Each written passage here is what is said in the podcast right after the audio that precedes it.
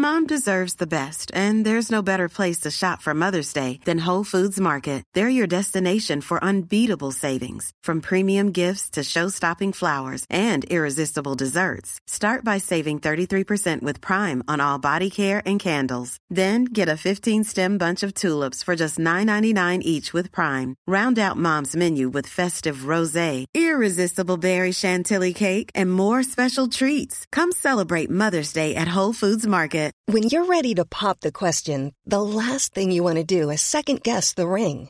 At Bluenile.com, you can design a one of a kind ring with the ease and convenience of shopping online. Choose your diamond and setting. When you find the one, you'll get it delivered right to your door. Go to Bluenile.com and use promo code LISTEN to get $50 off your purchase of $500 or more. That's code LISTEN at Bluenile.com for $50 off your purchase. Bluenile.com code LISTEN.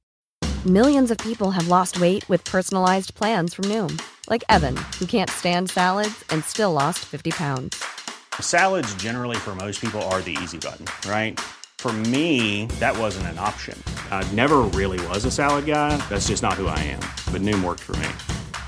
Get your personalized plan today at Noom.com. Real Noom user compensated to provide their story.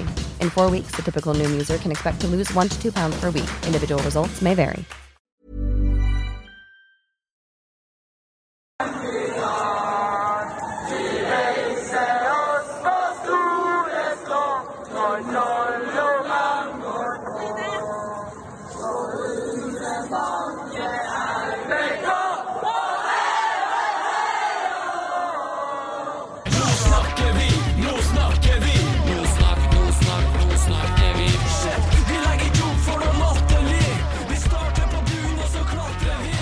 Nå snakker vi, Kristine Lene. wow. Fy søren, du er blitt god på denne teknikken din, altså. Eh, ja, den, den satt i dag, Ja. gjorde den det? Jo, gjør det. Ja, Opphavsrett til videoen. Det er du som har den der? Ja. Ja, Jeg tok på meg et lite sånn uh, SoMe-oppdrag her, og bare shippa den til deg. ja for dere er altså indre bane etter cupgullet. Ja, det er det, og så har du hele den fanskaren som står igjen da, og vil feire med laget. og Det er virkelig ikke ofte man får oppleve det, så det tenkte jeg det må jeg få på film. Det må vi få på film. Uh, hyggelig å se igjen. Det er lenge siden vi har vært her eh, sist nå. Ja, det var før cupfinalen. Det var før cupfinalen. Eh, hvordan går det med deg? Bra. Det går bra? ja, jeg må jo spørre. Det er lenge siden jeg har truffet. Ja, det er det. Er det bra med deg? Er du ferdig med kjøkkenet ditt? Eh, nei. Ikke ferdig med kjøkken. Jeg fikk strøm på kjøkkenet mitt i dag. Herlighet. Så det nærmer seg. Jeg fikk lagt opp eh, Det har jeg jo gjort siden sist. Lagt opp elbillader og greier. Kjøpt ny bil. Og, Nei, har du? Ja, ja. Hva bil da? Eh, Det er en ID4. Å, det går Oi, godt om dagen, altså. Det er, det er noe snakker vi effekten. Fy søren, du er ikke sponsa, eller? Eh, nei, jeg er ikke det. Hadde vært så, altså. Ja, jeg skulle sikkert ha enda dyrere bil. Ja, da skulle du i hvert fall sagt fra til meg. Ja, for, eh, Hvorfor det?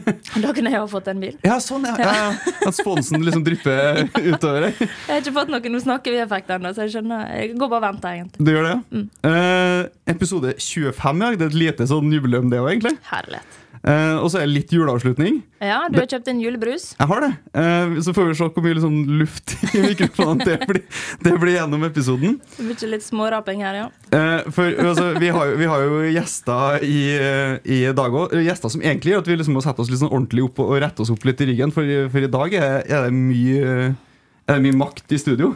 Det er jo noen classy lady som sitter med da. en i dress og en i bluse. Så sitter jeg her i strikka genser, og du er nå for så vidt eh, bra kledd, du òg, da, men eh, jeg satt meg akkurat litt opp i stolen. Ja, det gjorde det. Så vi er litt rettere i ryggen, og så tar vi litt ned, for det er juleavslutning med julebrus. Ja. Og så blir det en sånn herlig miks her, og så må vi bare rett og slett introdusere dem som er med oss i dag. Det er styreleder Cecilie Godtaas Johnsen og styremedlem Ingvild Farstad. Velkommen til oss. Takk, takk. Tusen takk. Hvordan, eh, hvordan er det med dere om dagen å være eh, i styret nå for det? Nei, Sesongen er over, så sånn sportslig sett så er det jo OK. Ja. Det er bra. Eh, Men det er klart at det er andre ting som skal ferdigstilles for jul, så det er noe vi har nå våre prosesser og springer nå så fort vi kan nå for å få det ferdig. Hvordan er København sånn rett før jul? Ja, det lurer jeg på, faktisk. det var tydeligvis at mange hadde spotta det. Altså, det var jo litt interessant. Jeg ble litt overraska faktisk når eh, vi gjorde møtt med journalister. Jo. Ja, for det, det var ikke julemarked på tivoli og Glyveien det gikk i? Det kunne ha vært det. Ja, det kunne ha Det det er fint, da. Det er veldig fint eh, julemarked i København. Du er, du er der stadig vekk, du. Da. Var du der, du òg? Nei. Jeg er ofte i København med jobb. Ja. Eh, vi skal egentlig ikke snakke så mye om kjøpenavn og, og det. Vi, vi, vi må snakke masse om den cupfinalen. Eh, dere var begge to? Var begge to. Ja. Ja, eh, hvem, vi, vi må begynne. Hvem vil begynne med cupfinalehelga? Gå løs på hvordan, hvordan var cupfinalehelga? Jeg får gåsehud når jeg sitter her nå. Ja, kan da, da kan du begynne. Kroppen min vibrerer. Uh, nei, det var jo uh, på godt trøndersk steinartig. Ja. Selvfølgelig. Det er jo alltid artig å vinne. Og så er det jo veldig veldig kult å se at uh, laget endelig lykkes. Og på en måte se hvor forløsende det var, og, og for dem å få feire foran familier. Foran uh, trollungene Oldbones uh, på, på tribunen. Og, ja, å få oppleve det der, da, det, det tror jeg ga mye mersmak. Det så sånn ut, og det var veldig kult å observere dem fra utsida. Ja. Og få være litt med òg, da. Vi begynte jo egentlig tidlig, da. Vi dro ned på torsdag. Vi dro ned på torsdag. Ja. Så var det litt sånn full arbeid og sånn på fredag, og så begynte vi å kjenne på at jeg skulle møte sponsorene på fredagskvelden. Og da begynte jeg å kjenne at åh, gud, jeg begynner å grue meg. Jeg begynte å grue meg til kampen. Ja, ble, ble du nervøs før kampen? Ja, alltid. Litt sånn småstressa. Det er nesten litt sånn Vi snakka om at eh, det var som å være back in the days når vi sjøl Ja. på en måte spilte. Da. Du hadde den følelsen i magen. sånn Tenningsnivå, nervøs og sånn. Hallo, vi skal bare sitte på tribunen. Slapp av nå. Det er ikke bare å slappe av. for å si det. Jeg tror ikke jeg fikk med meg så veldig mye av starten av den kampen. for å si det sånn. Eh, hvem vil begynne? Eh, jeg, jeg, må egentlig jeg må begynne litt først, og så må jeg legge meg bitte litt flat. Eh, for at, eh, jeg satt jo her og snakka høyt om at jeg skulle til Oslo, jeg òg. Eh, og så begynte jeg liksom å telle opp alt jeg skulle holde på med hjem, og eh, hente ny bil fredag kveld og litt sånne ting. Eh, så vi har fått, sp- jeg har fått spørsmål Ja, fra trollungene i Oslo. Så jeg bare ta det sjøl. Jeg, jeg fikk rett og slett ikke dratt til Oslo. Det var, det var ordentlig surt å sitte hjemme om fredagskvelden, og kanskje enda surere på lørdagen. Eh, men jeg måtte bare svare opp det, for jeg så jeg ble etterlyst i Oslo. Jeg skjønner ikke hva jeg skulle bidratt med, men Jo, eh, du hadde jo bidratt med godt humør, i hvert fall. ja da, det hadde jeg sikkert. Skikkelig, skikkelig fest. Skikkelig ja, fest, ja. det, Det hadde jeg sikkert gjort. Eh, så jeg må bare ta den. Jeg, jeg fikk ikke dratt, så jeg tenker at jeg har allerede bestilt meg billetter til neste års cupfinale. OK. Ja, Nå da- snakker vi. Da, nå snakker vi. Da er huset ferdig, og sånn, så da jeg blir med på cupfinalen neste år. Da kan jeg love her og nå. Jeg trodde du skulle legge det flat fordi at du, du snakker så ned var før cupfinalen. Ja, vi kommer dit. Eh, det, det står seg, for å si det sånn. Vi begynte å synge 'Elsker var', så nå elsker vi var helt Ja. fram til neste gang. Eh, Det står seg, det òg. Men eh, for dere som var her fredag kveld, eh, ta oss gjennom fredagskvelden først. Litt sånn teflonhjerne, men Da hadde vi jo en eh, veldig bra middag. ja. Og det var veldig bra å få snakka med sponsorene. Litt etterpå. på. De hadde masse forventninger. Ja, og gleda seg. Og, De fikk jo høre sangen. Ja, fikk høre, vi fikk høre release Folk av satt jo nesten med, eh, noen satt jo med tårer i øynene, så det Ja. var jo åpenbart, åpenbart at det, var, det traff veldig bra. Det traff rett i hjertet deres, det. Altså. Så nei, det var fin middag som, som Amanda og Marked på, i Rosenborg hadde ordna klart. Og, og det var god stemning. Det var Ordføreren var representert. Vi hadde eh, Morten Volden, kommunedirektøren, og det var sponsorer og flere fra Rosenborg og fra styret osv. Som, eh, som prøvde å lade opp til dagen etter, da, mens, eh, mens laget var trena jeg, i Trondheim og kom ned og reiste ned. Så nei, det var en fin, fin fredag. Um, Fin opptakt. ja. Artig å være i hovedstaden, da. Cupfinalehelg er jo gøy. Det er gøy, altså. Det er det. Jeg må ærlig innrømme det. Eh, og så kommer lørdagen. Lørdagsmorgen der. Hvor eh, Lene, skal du begynne? Lørdag morgen, hvordan eh, starta dagen for deg? Oi, jeg husker faktisk ikke. Jeg var egentlig spiste frokost og matcha mat. Jeg var egentlig bare med laget hele tida. Ja.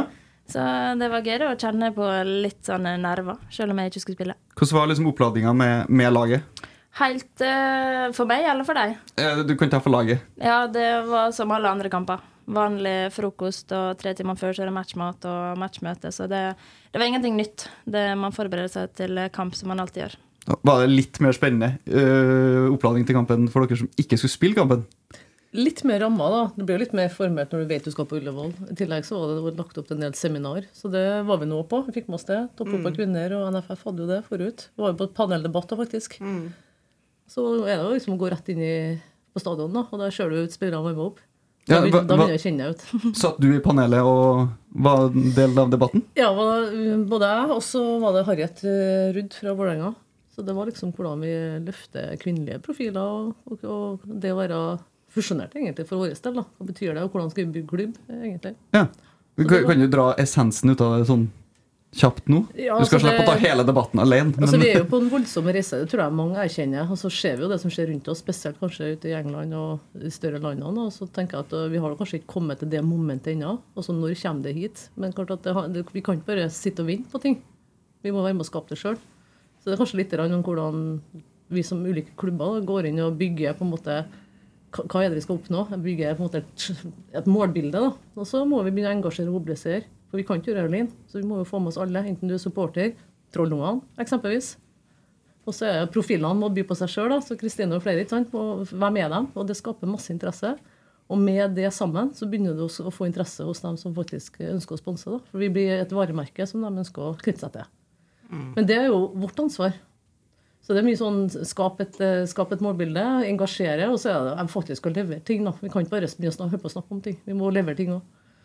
Og det er liksom den reisa vi skal gjennom nå. Så er det liksom hvor langt har vi kommet? Nei, Vi er altfor kort, tror jeg. Men eh, vi er på vei, og så er det liksom å få flere med på laget da, til å være med og dra i samme retning. Hva legger du at vi har kommet altfor kort? Vi merker på engasjementet. Jeg tror Ta Brann som klubb nå. De har jo vært kanskje litt foregang på det med like muligheter. Og de har fått på. Det er sånne små ting, men det er store, meningsfulle beslutninger som er tatt, som eh, også setter retning for kanskje resten av Norge. Vi òg ønsker jo å komme dit. Så, men det handler om at eh, folk må vokte litt. Men eh, nei, vi kan ikke sitte og forlange. Vi må, vi må gi. Før vi kan på en måte ja, igjen, gi og engasjere før vi kan begynne å kreve noe tilbake. Men det handler om å putte masse energi inn, og det, Ingvild er jo hjertelig god på det. Nei, men jeg tenker det er viktig. Altså, det er jo viktig at noen går foran, og det, det er viktig at vi at eh, Hva er det med Emma Watson som sier det? If not me, then who? If not now, then when? Og det er jo litt klisjé og flåsete, kanskje, men det er noe veldig godt sagt. Det er noe godt sagt, det er godt sagt, da. Fordi alle må faktisk gå i seg sjøl og si hva kan jeg gjøre? Eh, og hva kan vi gjøre som klubb, og hva kan vi få til sammen, sammen som klubb? eh, Vært innad i lagene, den enkelte supporter, dem som følger Rosenborg, dem som er rundt Rosenborg, næringsliv osv. Så, videre. så alle har på en måte et ansvar til å ta litt tak. da. Og så er det viktigste av alt det at vi, klubben går foran eh, og viser eksempel. Mm, og bli det som Cecilie sier, bli det varemerket som folk har lyst til å knytte seg til. da. Det er så utrolig viktig. òg, da, altså, nå lever vi i 2023.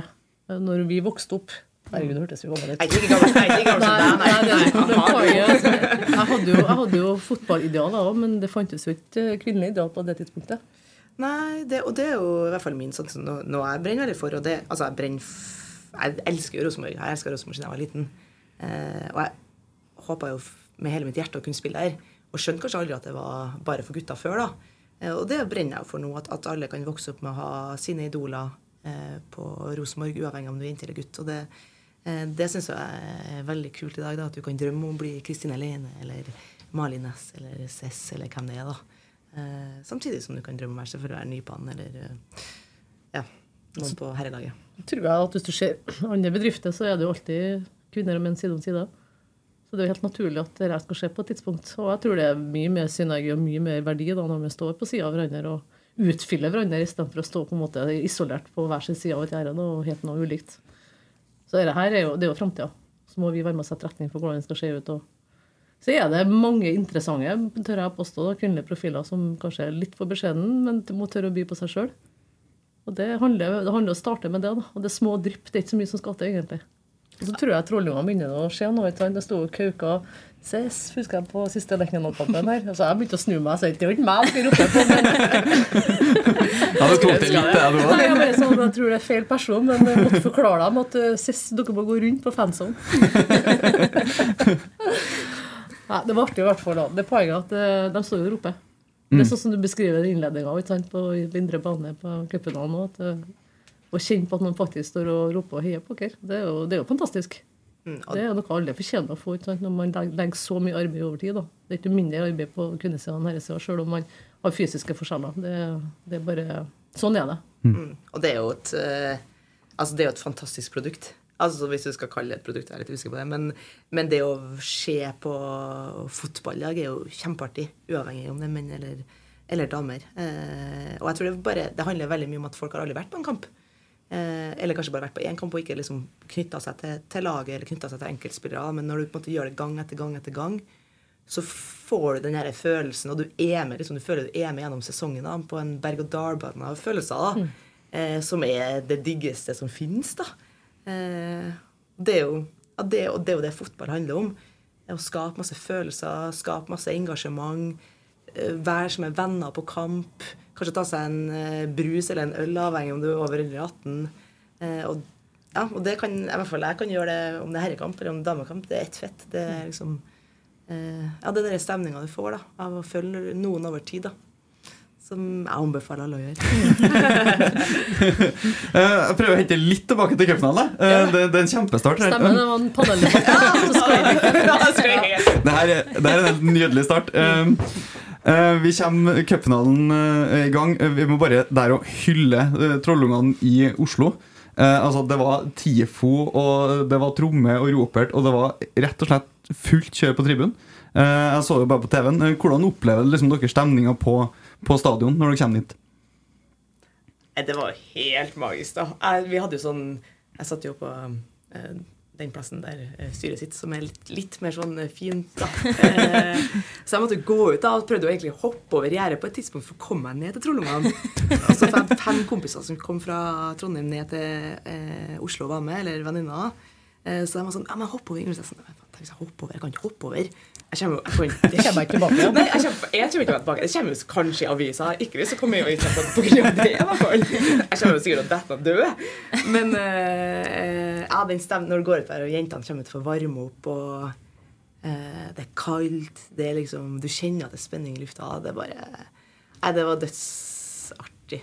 Veldig artig. Så er det, noe, det er noe edelt over cupfinalen. Jeg må si det. Og så kommer til Ullevål, og ja, det er rammene der, ikke sant. Og så er det ja, forbundet er nå her, og Lise er nå her. Og vi, vi sitter nå enda mer formelt, vi, da. Vi satt nå på kongeklubben.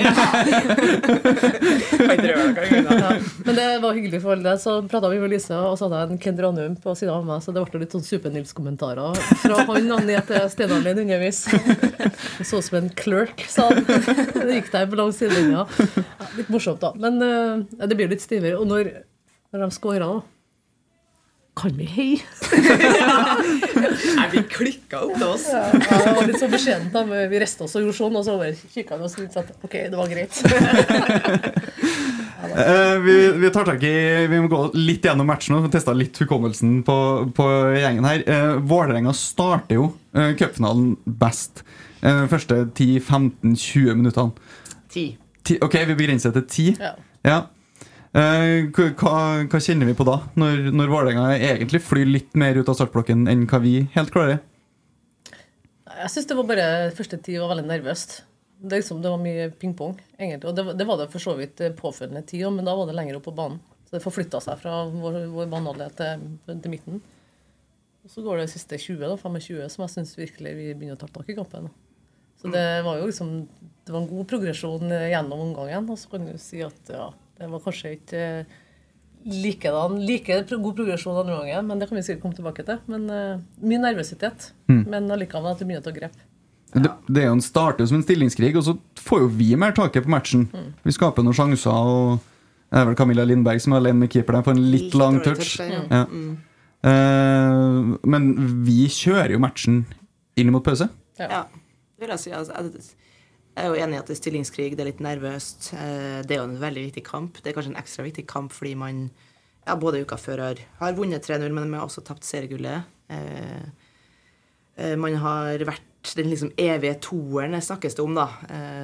Og evig toer, det er et par år, da. Men det er liksom Ok, når skal man endelig lykkes, da? Og det tror jeg Altså, man er god psykisk hvis man ikke tar med seg det inn i en kamp. Da. Så, så det var litt sånn stillingskrig. Jeg syns vi tar over etter hvert. Og, og jentene spiller en veldig god kamp. Det er jo en, blant annet Anna på ene sida der, og hun må jo gjøre den defensive jobben veldig veldig mye. eh, Som også er en av våre styrker framover. Så jeg syns de spilte veldig disiplinert, og det var, det var artig å se på. eh, Hvordan de håndterte både det å komme ut kanskje ikke på sitt sterkeste, og så ta mer og mer over og begynne å skape sjanser. og det var spennende. Jeg tror De som var på tribunen og de som har sett den på TV, de syns det var en, en spennende kamp, selv om det ikke var så mange mål. Lene, er du i garderoben i pausen? Nei. Nei, det er ikke du. Nei. Jeg tenkte jeg skulle spørre deg hva som skjedde inn der. Men eh, hva, hva, vi har jo sett noen klipp, det var noen greier på i, i sosiale medier, tror jeg. Kanskje det var før kampen òg. hva tror du Steinar og co. snakker om inn i pausen? Jeg trodde du skulle spørre meg hva jeg gjorde i pausen, for jeg spiste pølse. Du satt ikke på vippen. Nei. Du, det er pølse på vippen. Er det pølse på vippen, da? pølse. Jeg På kongetribunen også? Jeg fikk beskjed om det. Ja. Ja. Og Per Per og sa at du er på, du er på vippen nå, vet du, men nå må du spise pølse. Så det, altså. Så det er pølse det går i også på kongetribunen? Ja, det, det også var det selvfølgelig det var andre ting, da, men Ja. det ble det jeg tok, da. Ja. Så det var en oppfordring. Du hører på Per. Ja, nei, det er riktig. Ja. Eh, Hva tror du vi snakka om i pausen, Lene? Nei, godt spørsmål, egentlig. Jeg tror egentlig bare fortsette sånn som vi har gjort, og det var veldig mye vilje den Mm. kampen, og du ser at det, det er ingen som slipper seg nedpå selv om man vant 3-0 forrige kamp. Og det er det veldig fort å gjøre når man vinner 3-0, og Vålerenga var Ja, vi var egentlig veldig mye bedre enn de på Lerkendal. Eh, men alle skjønte at det like mye måtte til, og kanskje enda mer, i cupfinalen. Og det syns jeg jentene leverte, og ja, klarte den eh, mentale kampen også, da, syns jeg. Jeg er helt enig. Uh, andre omgangen får jeg gåsehud, ja. Nei, men det, det, det er derfor vi sier Vi skulle jo skape følelser, skal vi? Ja, Det er jo det det handler om. Uh, vi kommer ut i andre omgangen. Uh, nå husker jeg akkurat tidspunktet, men vi får på et tidspunkt et straffespark der. 74. minutt, eller? 74. Kanskje? Ja, det, sånn cirka. Sånn cirka. Din umiddelbare reaksjon fra tribunen, Emil? Klikke. Mista stemmen på det tidspunktet. Fordi at du roper at det skal være straffe, eller fordi at du jubler, eller hva, hva skjer? Eh, Nei, jeg tror Jeg oppfatter at det er straffe, da. Eh, eller, eller liksom Man vet nå aldri, men det ser ut som på en måte Det ser ut som det er straffe, og at hvis Det er ikke sikkert det er så mye berøring, men hun har ikke kjangs å ikke komme Altså, hun har ikke sjans. Og så ser du smilet til Nautnes, så da er det OK. Ja, tenkte jeg. Det var på nær-TV, faktisk. Ja, da bare, okay, det, ja, det er sikkert straffe likevel. men eh, ja, nei, og så er det jo, blir man jo spent da, og litt nervøs, men også sånn ja, Nei, men det her er jo, jo god på. Men det Det er, jo- det er jo straffe. Ja, det er, ja, det er straffe. Ja, det er mener overbevist, for det var kontakt. Så Ja. per definisjon så er det straffe. Og hva, hva skal hun gjøre, da? Hun er, har stor fart, hun er først på ballen, hun er forbi. Ja. Så altså, du kan jo selvfølgelig unngå hopp, da, og bli skikkelig tatt. Som Ja. å si 'jeg kan brekke foten'. Ja. Så du må hoppe. Altså, det er det eneste du gjør som, som fotballspiller. da. Så det, ja, jeg syns det er straffe, ja. Jeg kan, jeg kan jo være enig at altså, det, er ikke en, det er ikke en soleklar, knallhard og, og rødkortstraffe. Vi er ikke der, men, men det er mer enn nok til at det er straffe. Og det, had, det hadde blitt frispark på midtbanen. Så jeg ble litt sånn overraska når NRK etter matchen begynte å diskutere er det egentlig straffe. For meg så ser den helt grei ut. Men er ikke alle medier Vålerenga-fans, da? Jo, selvfølgelig. Ja, det er sant. Sånn var det. så lei av det. Det er alltid sånn, Hvis Vålerenga vinner, så er det stort bilde av Vålerenga. Ah, de tok eh, gull for et flott lag. Og så vinner Rosenborg, og det er sånn ah, Vålerenga tapte. Ja, det er kanskje sånn det er. Ah, er det. Eller VAR-drama, eller et eller Ja, annet. ja, alt mulig annet enn at å hedre Rosenborg for at de var bedre. Det må vi snu på neste år, tror jeg. Ja, det tror jeg. Ah, gleder meg til å vinne igjen. No pressure. No pressure. Apropos VAR-drama. For det, det skjer jo noe på den straffen der. Eh, først så settes den i stolpen. Emilie Nautnes er på returen. Eh, Hun kløner litt. Det er egentlig en litt dårlig touch av Emilie Nautnes. Og så kommer og banker den opp i nettet. Eh, og det blir diskutert etterpå. Og sånn som jeg kanskje Vi, diskuter- vi kikka litt på et bilde her før vi, før vi begynte å ta på. For meg så ser Emilie Nautnes veldig innafor ut. Og vi sa hun var i lufta. Vi bare valgte å se det på en måte. Ja. Different perspectives. Ja, det er jo det. Eh, da er vi tilbake, Lene, for jeg var jo ikke sånn kjempefornøyd med at det ble VAR i cupfinalen. Det virker jo ikke. Nei, men eh, det gagna jo oss denne gangen, da. Ja, det gjør det. Eh, men det gagner oss fordi at det ikke virker. Og da Ja, men ble det blåst offside målet til Vålerenga? Vi, ta, vi kan ta den nå med det samme. Eh, det blir jo ikke vinka offside Nei. underveis i spillet. Eh, så Thea Bjelde limer nå i kreditt. Fantastisk skåring! det skal Thea Bjelde ha. Eh, litt synd for hun at det ikke blir mål, uh, men uh, eh, men, Men det er offside. Det er solklar offside, og der virker VAR. Men eh, vi kan ikke ha at det virker halvparten av gangene og ikke. Det er jeg enig i. Og så skal du først ha VAR, så må det funke. Og Ja. da må det, ikke sant? Du må komme deg på en internasjonal standard da, som gjør at det ikke blir heft, men at det faktisk har en nytte. da, Ja. At å ødelegge kampen. Men eh, vi er jo ikke der ennå. Og det, sånn var det ikke i starten noen andre plasser heller, så det er vel kanskje litt innkjøringsproblem. Ja. Eh, vi, får, vi skal slippe å snakke om VAR neste år, for da er ikke noe VAR i toppserien. Many of us have those stubborn pounds that seem impossible to lose, no matter how good we eat or how hard we work out. My solution is PlushCare. PlushCare is a leading telehealth provider with doctors who are there for you day and night to partner with you in your weight loss journey. They can prescribe FDA-approved weight loss medications like Wagovi and Zepbound for those who qualify. Plus, they accept most insurance plans. To get started, visit plushcare.com slash weight loss. That's plushcare.com slash weight loss. Mom deserves the best, and there's no better place to shop for Mother's Day than Whole Foods Market. They're your destination for unbeatable savings, from premium gifts to show-stopping flowers and irresistible desserts. Start by saving 33% with Prime on all body care and candles. Then get a 15-stem bunch of tulips for just $9.99 each with Prime. Round out Mom's menu with festive rosé, irresistible berry chantilly cake, and more special treats. Come celebrate Mother's Day at Whole Foods Market. Burrow is a furniture company known for timeless design and thoughtful construction and free shipping, and that extends to their outdoor collection. Their outdoor furniture is built to withstand the elements, featuring rust-proof stainless steel hardware, weather-ready teak, and quick-dry foam cushions. For Memorial Day, get 15% off your Burrow purchase at burrow.com slash ACAST and up to 25% off outdoor. That's up to 25% off outdoor furniture at burrow.com slash ACAST.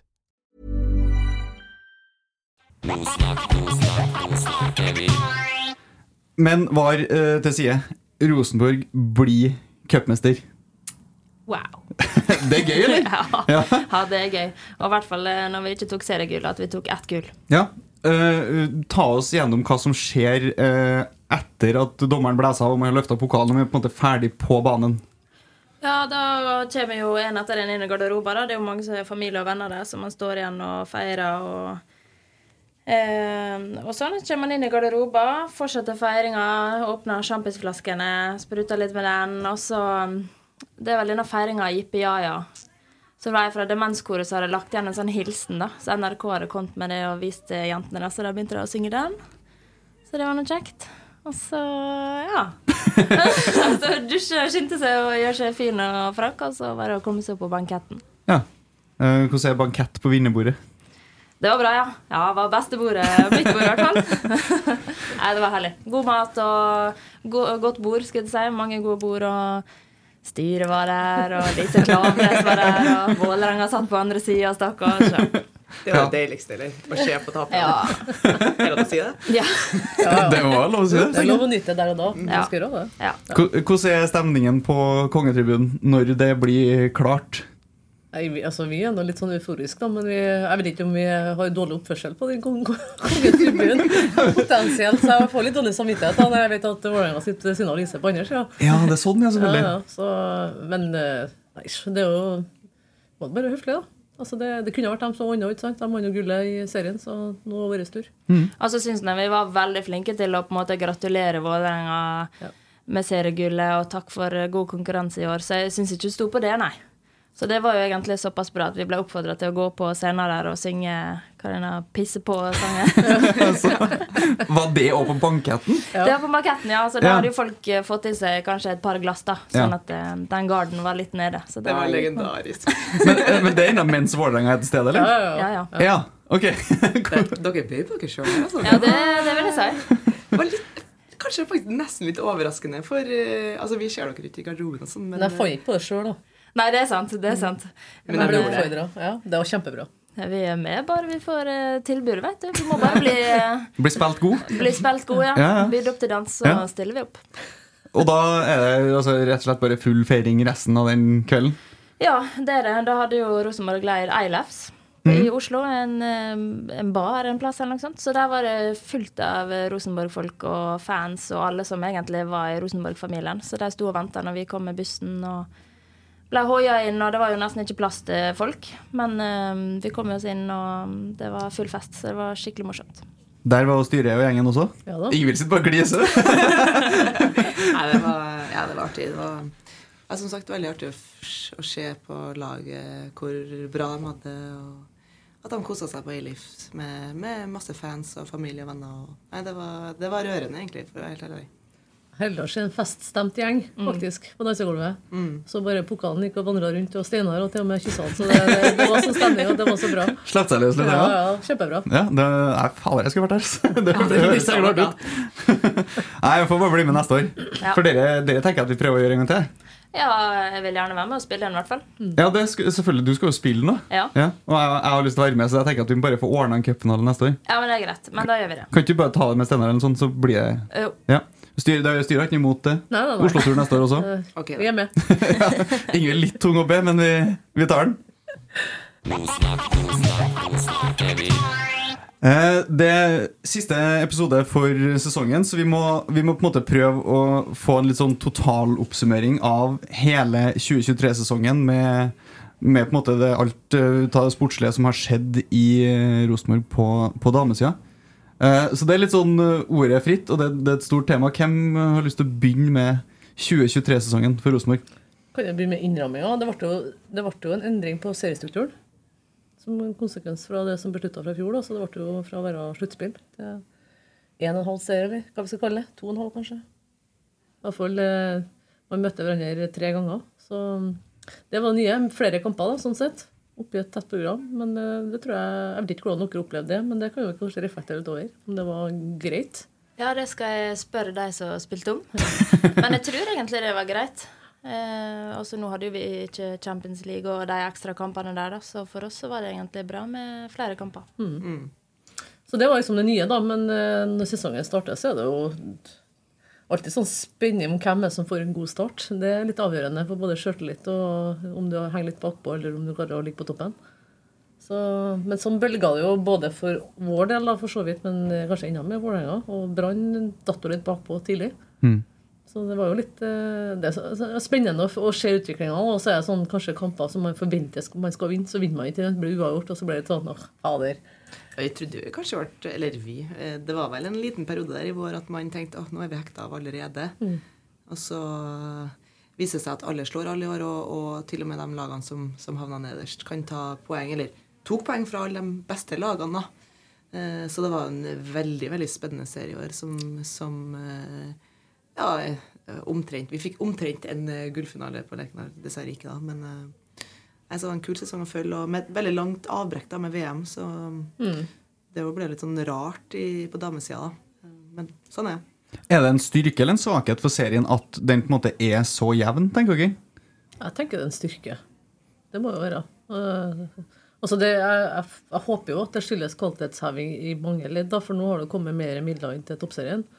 Og at det skal jo forplante seg at man er mye mer strukturert med både fagkompetanse og trenerkompetanse og for så vidt akademi og, og utvikling da, på spillere generelt. Jeg tror ikke det nødvendigvis har slått fullt rot akkurat nå, men over tid så tror jeg det får, hvis det får virke, da, at det, det blir bedre og bedre. Og det er jo det vi ønsker å oppnå med å investere de pengene. da.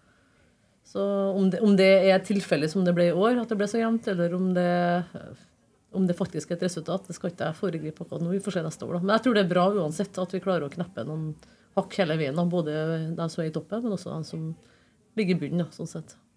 Ja, eh, for det er jo som vi snakker om her altså det, vi, eh, For så vidt så starter vi sesongen kjempebra. Hjemme eh, herjer med, med Stabæk, vinner 3-0 der, og det ser ordentlig ordentlig bra ut.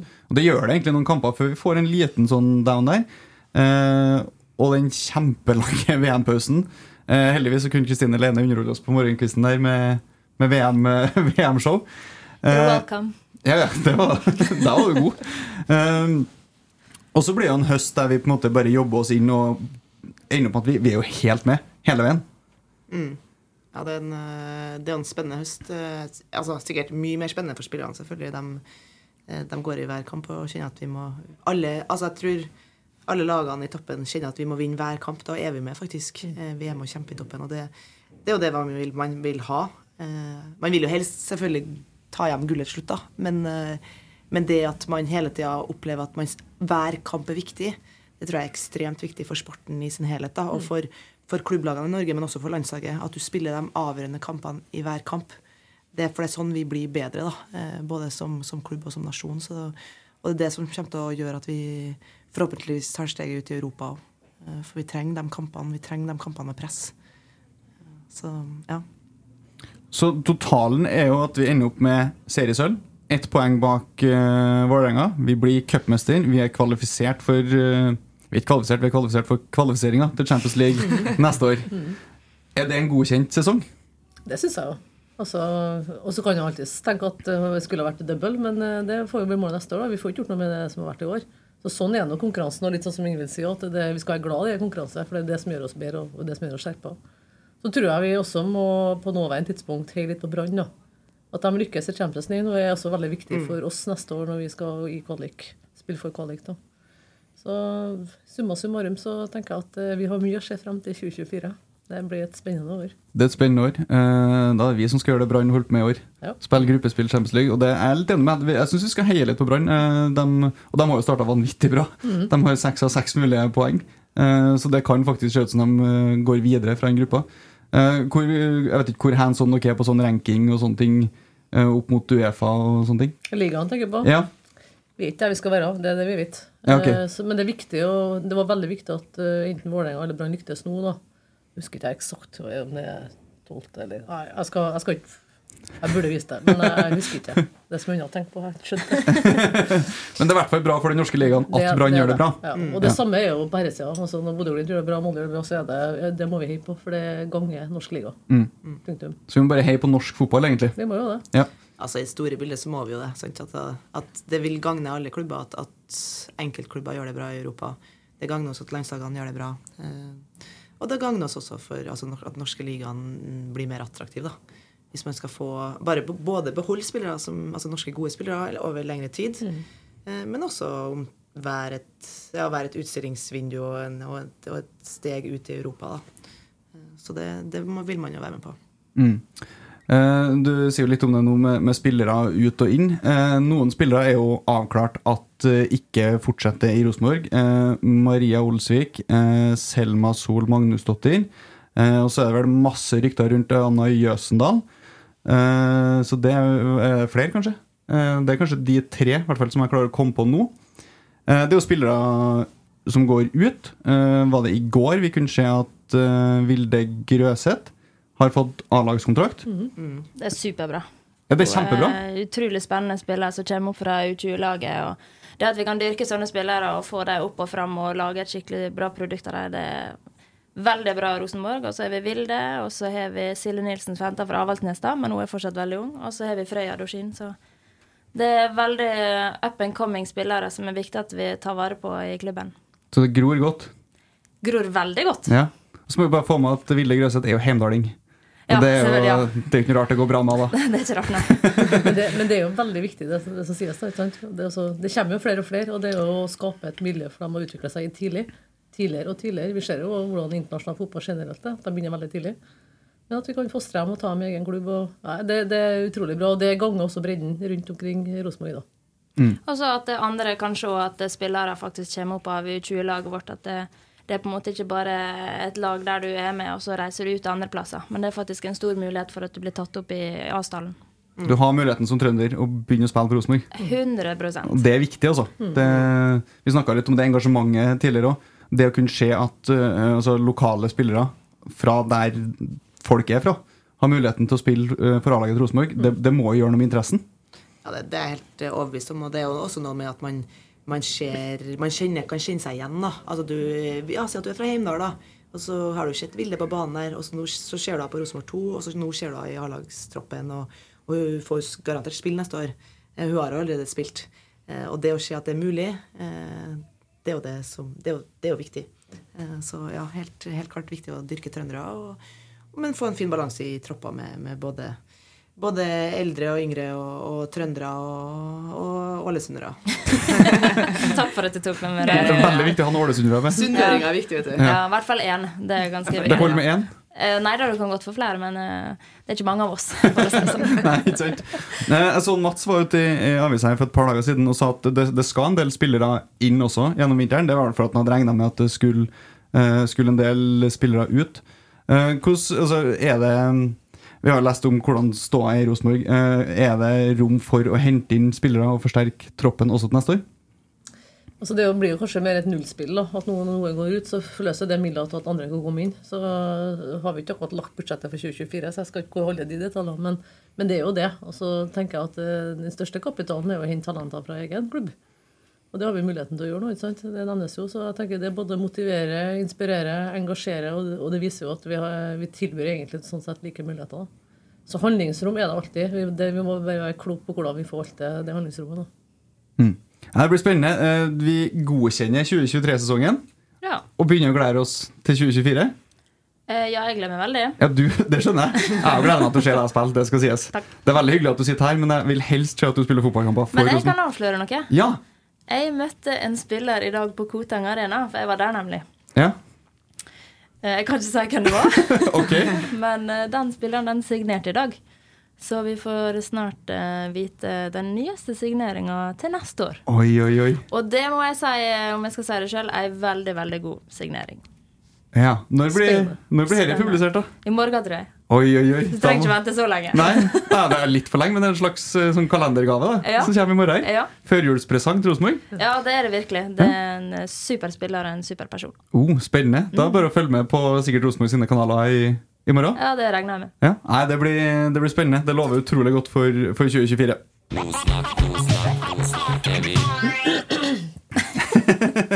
eh, skal jo også, eh, når vi sitter her, eh, ikke bare snakke om Rosenborg, vi skal også komme til å prøve å bli litt kjent med folk i og rundt Rosenborg. Eh, så vi skal egentlig begynne litt med Vi kan begynne med deg, Cecilie. Eh, du, når jeg sendte deg melding og spurte om du ville komme hit, så sa jeg at vi må jo ha både liksom sjefen, men også noen som har vunnet cupgull tidligere. Ja. Vi, for vi skulle, egentlig, vi skulle jo feire cup- eh, i dag. Eh, kan ikke du eh, ta oss litt gjennom eh, fotballbakgrunnen din? Lang historie kort. Er Født og oppvokst på Byåsen. Spilt for Nasjonal. Spilt sammen med blant annet Steffen Iversen. Vi spilte på samme lag, så det var jo ikke noe jentelag den gangen. Det var noe, var noe blant gutta nå. Helt til det faktisk ble et jentelag, og da ble det ganske god. Og så ble det jo det oppløst på et naturlig tidspunkt, når folk begynner å gå på videregående og etc. Så da gikk jeg over til Trondheimsølen. Så kom jeg tidlig opp i A-troppen. da. Så jeg var jo A-troppen allerede som var 17-åring, tror jeg. Så det ble det jo en veldig god reise for min del. da. Det var jo i gullalderen til Trondheimsølen, da jeg fikk både seriegull og cupgull tre år på rad. Og i 98 så dro jeg til USA. Da hadde jeg opplevd egentlig alt jeg kunne oppleve som kvinnelig fotballspiller i Norge. Ja. Jeg vunnet nordisk. Det var ikke noe V-cup den gangen. Så da var jeg liksom klar for å gjøre noe annet. da. Det var liksom lei av å snu bunken og nok en serie, liksom. Så da var jeg klar for nye utfordringer. Og så gjorde jeg det, og når jeg kom tilbake, så fokuserte jeg egentlig på utdanning. For det, det var jo ikke noen karrierevei å gå fotballen den gangen. Jeg synes du hopper veldig lett over fotballkarriere i USA. Det kjente jeg at der var jeg litt mer nysgjerrig. Dette her var før eh, Det var collegefotball, altså det var før proffligaen kom. Så det var jo veldig spennende, da, for da var jo alle landslagsspillerne på ulike college. da, Så vi reiste over hele USA og spilte Vi eh, hva heter det, East American Champion det året, da. Vi ble, ble ikke amerikanske mestere, vi ble slått ut i kvartfinalen. Veldig spennende. Veldig artig. Noe helt annet. Ja, hvordan var det annerledes fra Norge Når, når du sa at det var 98? Her var 98, ja. Ja, hvordan er det annerledes fra Norge, altså amerikansk collegefotball? Da går du fra Når jeg spilte i Trondheimsølen, da, så var jo stort sett alle enten studenter eller hadde jobb, så all trening var jo på ettermiddag og kveld. Det, var jo, det er jo ikke profesjonalisert i nærheten av det det er i dag. Så det var jo på en måte sidestilt, da. Eh, ja, Så var det veldig mye på dugnad og eget initiativ. Og når vi skulle dra på turneringer, så måtte vi ofte gjøre dugnadsarbeid for å tjene pengene for å få det til. At alle sammen skulle bidra. Så det var noe veldig annerledes. Når jeg kom til USA, så var jo all trening på dagtid. Eh, og trengte du hjelpelærer for et eller annet, så fikk du det. Det ble satt opp på sida. Så alt var jo handla om idretten. Så kom skolen som nummer to. Så der følte du hvordan det var profesjonell for første gang. Da. Og da var det, det var veldig strukturert rundt akkurat det. Da. Så skolen var vel kjent for akkurat, eh, at de satsa på kvinnefotball. Da. Så det var annerledes. Litt nysgjerrig på hvordan det var sånn. Vi merka at all idrett i USA har veldig stor kapital rundt seg. Det er mange som går inn og, og sponser eh, for, for å få det til. da. Så da fikk vi noen muligheten til å oppleve på Og det var jo ofte på de meste kampene så hadde vi både 3000 og 4000 tilskuere. Det må være veldig annerledes når du liksom kommer fra Norge og Trondheimsøren, og, så- og så får du kjenne på det der. Og spesielt i Florida og North Carolina, for der var det liksom de beste spillerne i USA da, som spilte. Så da fikk du noe full stadion, masse, masse spetakkel. Så det var veldig urant, uvant for meg da, som kommer fra Norge. Vi var jo for så vidt eh, to norske der, da. Tre norske, kanskje. Det var et ganske europeisk lag, da. Så det var litt shoppa-lag, som blir bekalt. da. Hvem var det andre norske? Det var Inger Lise Krok. Hun spilte også på Trondheimsølen. Og så var det Ingrid Sternhoff. Hun var vel landslagskeeper på det tidspunktet. Mm. Så var det et par danske spillere, et par tyske, også nederlandske. Ja. Og svenske. Name-droppe noen av dem, eller? Jeg husker ikke alt, vet du. Herregud, du snakker om 98. Det er 25 år siden. Ja, det er såpass lenge siden, ja. Ja, det er flere av dem som var landslagsspillere i respektive land. Da. Eh, Så nei da, det var, det var et godt lag. Og, som sagt, treningshverdagen alt var jo, ble noe helt annet. Det ble snudd litt på hodet, liksom. Sånn var det å være på en måte profesjonell i forhold til å utøve idrett. da. Tenkte du da at herre skal jeg ta meg hjem til Norge og bli styreleder i Rosenborg og få til herre? Nei, det var ikke det som slo meg ned. for å være helt ærlig. Og så er jo livet litt sånn at det blir, altså blir mens man går, da. Ja. Så det var jo egentlig når jeg kom hjem, så var det å bli ferdig med utdannelse. Så fikk jeg meg jobb i Equinor. og Der har jeg for så vidt vært i siden. Du, har jo én idrettskarriere til også. Det har jeg, men det gjorde jeg samtidig som jeg var fulltidsansatt i Equinor. Det er det sikkert veldig mange som ikke vet om. Ja, da, For du drev med det som heter for landeveissykkel, ikke Mm. Ja. Uh, mens du jobber i Equinor. Mm. Hvordan funker sykkelsporten? Jeg kjenner ikke den så godt, så hvordan kombinerer man det med, med Nei, jobb det lurer jeg òg på, faktisk. Nei, litt lang historie kort der òg. Men eh, etter, altså, selv om man slutter fotball, så er det noen savner. da. Det er jo garderoben, miljøet. Så jeg har alltid vært glad i å trene, så jeg har alltid trent jevnt. Til tross for at jeg har slutta. Og så kommer nå familielivet og alt det der. Men så plutselig så var det noe som var sykkel, og det var mer opplevelsen. Syk, jeg sykla Nordkapp Trondheim, sykla Kristiansund Bergen. Så jeg har gjort en del sånne ting som for opplevelsen sin del. da. Nordkapp Trondheim for opplevelsen sin. Ja, 180 mye på tolv dager. Men poenget er at det, man har med seg det, og så er det egentlig Det begynner egentlig med at mannen min skal begynne å sykle til Trondheim-Oslo. tenker jeg, Hvis han klarer det. Så ble vi jo med på det da. Når jeg, og så satt, vi satsa jo på jeg vet ikke, 15 timer, eller hva det var. Det, men uansett, vi kom til mål, og da tenkte jeg Er det noen som blir med og sykler hjem igjen, eller? For jeg, jeg var liksom ikke ferdig. Jeg kjente at eh, nå vil jeg mer. Så jeg var ikke ferdig med idrett da, kjente jeg. Og da tenkte jeg at nå må vi bare se hvor det bæsjer av gårde. Så begynte jeg å sykle eh, norgescup i landevei. Så skapte vi et miljø i Trondheim da, blant sykkel- sykkeljentene. Vi organiserte oss i CK Victoria, som egentlig er Villmann sin klubb. Og Skapte miljøet miljø og egentlig ble ganske konkurransedyktige. Og så bestemte vi oss at fader, vi skal jo begynne å konkurrere internasjonalt, så vi begynte å gjøre det. Så gikk det jo bare, og Da hadde jeg en dialog med landslagsledelsen, og det var en Steffen Kjærgaard som var landslagstrener, eller landslagssjef den gangen. da. Spurte jeg hva skal til for å på en måte komme på landslaget. For jeg visste at jeg egentlig var god nok, sjøl om jeg begynte sent. Så satt jeg opp en kriterier. Greit. Så kunne jeg tikke av etter hvert. da, Så bestemte meg og reiste ut og leverte. og ja. Så gikk det bare i 2000 og, altså jeg begynte, Trondheim-Oslo var i 2010. 2012 så hadde jeg proffkontrakt. Første VM. Det er jo det er rett og slett imponerende. Så proffkontrakt, da, det er noe, det er noe ikke akkurat sånn veldig godt betalt, men det var nå dekket alt og utstyr og ja, liten sum i året. Ja, Men Var du da proff samtidig som du hadde din sivile jobb? Yes. Ja. Så en jobb, og så et, et familieliv, da. Jeg hadde en guttunge på fire år på den tida. Så, men eh, du, du får til det meste, da, men du må jo ha en hjemmemane på hjemmebane som stiller opp. da. Det høres sånn ut. Du kan ikke ha vært så mye hjem. Nei, det blir jo mye farting og mye reising, og så fikk jeg også veldig gode vilkår på jobb. da, så det, det å få ekstra fri for å Jeg satsa jo egentlig på OL i 2012, så gikk ikke det, av flere grunner. For det er noe poengsystem som ikke jeg forsto de gangen, som jeg måtte ha vært med på. Så den røyk nå. Men det ble, noe, det ble en opplevelse. og Mange nye, gode venner, nytt lag fra hele verden. egentlig, Vi var jo sammensatt fra alle kontinent. Og var på ulike reiser. Fikk jo en del resultater, da, så det var litt artig. da. To seire i Frankrike og to seire i Kina. Slo jeg verdens beste spurter på spurtstre, eller på banestreken. Spurter, eller var det liksom klatre? Klass- Klassiker. Klassiker. Litt sånn ja, litt sånn Kristoff-type. Ja. Litt eksplosiv. Jeg er ikke den beste klatreren, for jeg er litt for tung til det. da. Ja. ja. Så det er noen sånne Jeg skjønner. Ja, nei, Nei, men jeg skjønner hva du mener. ja, ja. Jeg skjønner hva du mener. Du tung, ja. Jeg prøver. Yes, tenk å komme hit til pod og. Ja, da, men sånn, sånn blir livet. da, som er noe- Det er ikke noe du planlegger for. Det bare skjer. Ja. Så hadde jeg egentlig bestemt meg for å slutte i 2016. Satse på OL i 2016 òg. Det var jo inngangen.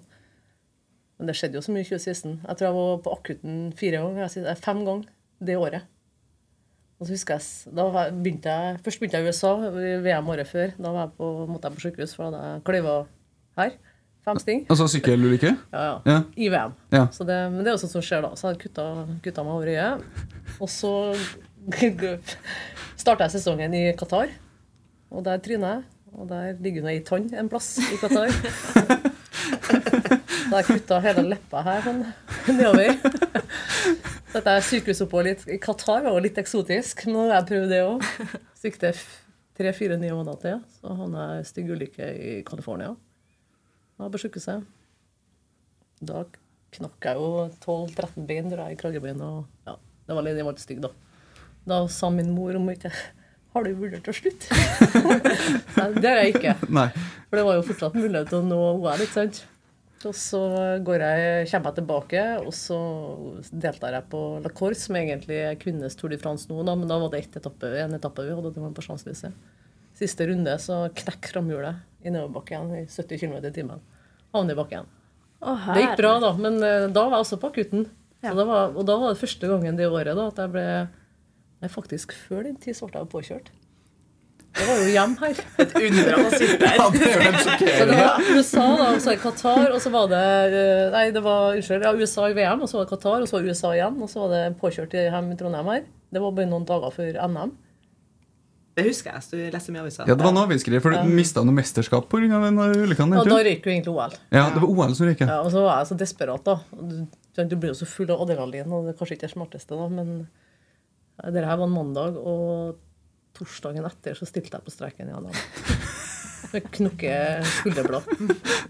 Det ble, sølvmedalje på tempo, da. Men det er rett, jeg, altså, det skulle aldri gjort det, da. Men jeg gjorde nå det. Men eh, ja. Så, men det ble ikke OL, nei. Nei. Og så hadde jeg egentlig bestemt for å gi meg, da, og så kom jeg med på Qatar-VM da, det året, i 2016. Og så ble det jo annonsert at neste års VM skulle være i Bergen. Fader, det må jeg få med meg. Så det ble et år til, da, men jeg takka nei til landslaget for å skåne familien. Og det begynte å bli litt mye, da. Begynte å tære litt mye, så tenkte jeg at nå, nå er min tid over. Nå får du unge slippe til. Det er Men eh, jeg deltok i, på langtempoen i Bergen, og det var en fin avslutning. som Ingvild sier, det, det er jo utrolig at du sitter her. det kan du ikke få med. Ja, Men det går det bra ennå, Ja. tror jeg. Det er sikkert noen skruer løs her og der, men eh, Nei, det går bra. Men du, Ingvild, du har jo spilt hockey, og ikke fremmed for en god skade der, eller? Nei, eh, det er heldigvis ikke like brutalt som sykling. Jesus. For hockey til fremstår jo mat Ja, veldig, vil jeg si. Nei, hockey er egentlig Det bare, det bare fremstår som en uh, brutal sport, men det er en snill og gøy sport, vil jeg si. Mye, mye tempo, da. Det er mye gøy der òg. Men ja, jeg har hatt mine skader, ja, så det du har jo det. det er noe arr her og der, og det er noen operasjoner og i ditt og datt, så jeg kjenner meg igjen når ting skjer med lagene. da. Når folk blir skada, så kjenner jeg på den der smerten. Eh, Man vet at man er ute en stund, og den, den er ikke artig. Vi må, vi må få litt om karrieren din også.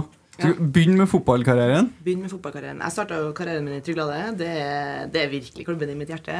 Um, og um, eh, ja, Steffen Iversen jeg vokste opp med Per, per Siljan. Vi spilte sammen. Vi skulle spille i Newcastle United. Jeg var lenge, hadde jeg troa på at jeg ble første kvinne i Premier League. Eh, så det var jo litt eh, delusional der, men eh, sånn var jeg. Eh, jeg gjorde det ganske godt i fotball. Var, var innom sånn, ungdomslandslag osv. Og, og så parallelt så spilte jeg hockey. Eh, Eller begynte, vi gjorde alt mulig rart. da, Dansa og spilte hockey, og det var eh, håndball og hele greia. Jeg skulle bli best i verden. Og så bare tok kokken mer og mer over. Eh, hadde noen sånn parallelløp på, på landslagene og fant ut at det, det blir for mye å holde på med begge deler etter hvert. Flytta også til USA. Spilte der. Eh, hadde kjempegøy. Mamma tvingte meg hjem, vil jeg si iallfall, men jeg måtte nok komme hjem da, etter hvert. da.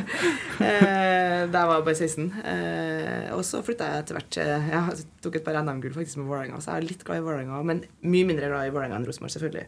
Og da er det Vålerenga hockey, sant? Da er Vålerenga hockey. Ja, ja. fotball. Vesensforskjell. Nå er det, ja, det er en stor vesensforskjell her. Så jeg bodde i Sverige, spilte der i, i ganske mange år, og i Linköping. Og vunnet SM-gull der. Det var, det var liksom kanskje en av de beste minnene jeg har, har hatt. da, For vi var et sånt evig toerlag i, i, i to-tre år og, og kjempa opp i toppen hele tida og, og kjente på det å, tape. da, Og det er knallhardt. Å starte igjen og trene på våren og skal gjøre seg klar for en ny sesong og kjenne på det her. Det, mm, ja, det å da ta, ta hjem gullet sammen med det laget du har spilt med over mange år og, og trent hardt med, det, det er virkelig noe i seg sjøl. Så um, jeg var der, og så eh, etter hvert så avslutta jeg karrieren i Sveits. eh, Og fikk meg, fikk meg et år der jeg lærte meg litt tysk og hadde det litt artig og ja, opplevde noe nytt. Så det, og så, ja, så plutselig var det slutt, da. Jeg hadde jo også en drøm om OL. Jobba hardt for det sammen med Norge. og kom, kom nesten opp, men uh, But no cigar, er det de sier. Eh, så, men hadde hatt en, en veldig fin karriere i, i både inn- og utland og på landslaget. Og, og koser meg med det og tar med meg det inn i Rosenborg. Så ja. Det viktigste tror jeg oppi oppi alt det er jo det er noen milepæler som Mm. beskrives, men det er jo, det er jo veien. Hele tida den veien. Altså det, den driven du har hver dag for å gå på trening og for å yte ditt beste. Og Mm. Det er jo den reisen som egentlig er sammen med andre, da, Det dele opplevelser med andre, som er det sterke. Så kan du godt si at eh, ja, du har vunnet noen titler her og der. Egentlig så tenker jeg ikke så mye på det. Jeg tenker på alle andre opplevelsene du har fått med andre. Oppnådd det sammen. Ja, du kjenner på det. Jeg, sa, jeg har sagt det til Kristine på en, vi hadde en telefonsamtale, og så sa jeg sånn åh, det, er sånn det artig sånn individuelt for meg på cupfinalen, det var å se hvor fint laget hadde da, For jeg kjente meg sånn igjen. Jeg. Og det var sånn, jeg bare sånn åh, jeg skulle bare ønske jeg hadde fem minutter til med laget mitt med den følelsen der, da. For det, ja, det å oppnå noe sammen som du har trent mot så lenge over tid, eh, og lagt ned liksom både liksom svette og tårer og glede og alt det der, det er unikt, da. Og det, det må man virkelig ta med seg eh, videre. For det får du ikke du kjenne på så mye da, som i, i vanlig livet. Litt rann, hvis de styrer Rosenborg, så kan du late som du kjenner på det gjennom laget. På en måte så er det jo litt det, da. Vi har jo forhåpentligvis våre milepæler, vi òg. Så har vi sikkert noen som mener at vi har mest nedturer. Men jeg tror når vi jobber litt konsistent og systematisk over tid, så blir det resultater. Vi vi skal snakke litt om, eh, om styrejobben deres også. Eh, styreleder og styremedlem i, i Rosenborg. Eh, Først, hvordan havner man i styret i Rosenborg? Det må jeg si var litt tilfeldig, tror jeg. Jeg fikk en telefon om jeg var interessert, og det kom litt ut av det blå. Det var jo bare noen år, ja, det var 2020. Da hadde jeg egentlig hatt et litt distansert forhold til Rosenborg en god tid. Litt for at jeg drev idrett sjøl. Jeg var jo veldig tett på når jeg spilte fotball sjøl. Det var jo herrelaget til Rosenborg og Trondheimsølen egentlig tett på mange måter. Vi hadde utveksling med Bjørn Hansen kom og trente oss tidvis. Så det var mye synergier på den tida. Vi sto jo og solgte i kiosken til gutta når det var Champions League-kamper. Det var jo vår dugnad for å skaffe penger i kassa vår. Og guttene solgte på Nei, dere hadde ikke noen arena? dere? Nei, vi hadde ikke noe arena. Sånn. Så det var et annet tema. i grunnen. Mm. Men poenget er at jeg har jo egentlig hatt et veldig nært forhold til Rosenborg. Eh, Jeg var jo faktisk, når jeg var tolv år gammel, så var jeg første jenta som var maskot. Og den som sto i mål den gangen, var Ola Birse. Så det var litt morsomt å tenke tilbake på. Men ja, det har fulgt meg lenge i min egen barndom. Og så kommer det til et poeng når jeg slutter fotball og gjør andre ting, så blir det litt sånn Så, så jeg observerte litt fra avstand, da. Så har du liksom sett klubben både oppturene og nedturene sånn sett da, i de, siste, ja, siden 2000 òg. Men den telefonen kom nå. Så tenker jeg her var interessant. Så da er det valgkomiteen som ringer deg uten at du vet noe som helst? Ja, det var egentlig en, eh, egentlig en uformell henvendelse for dem. De ville ha meg inn for en samtale.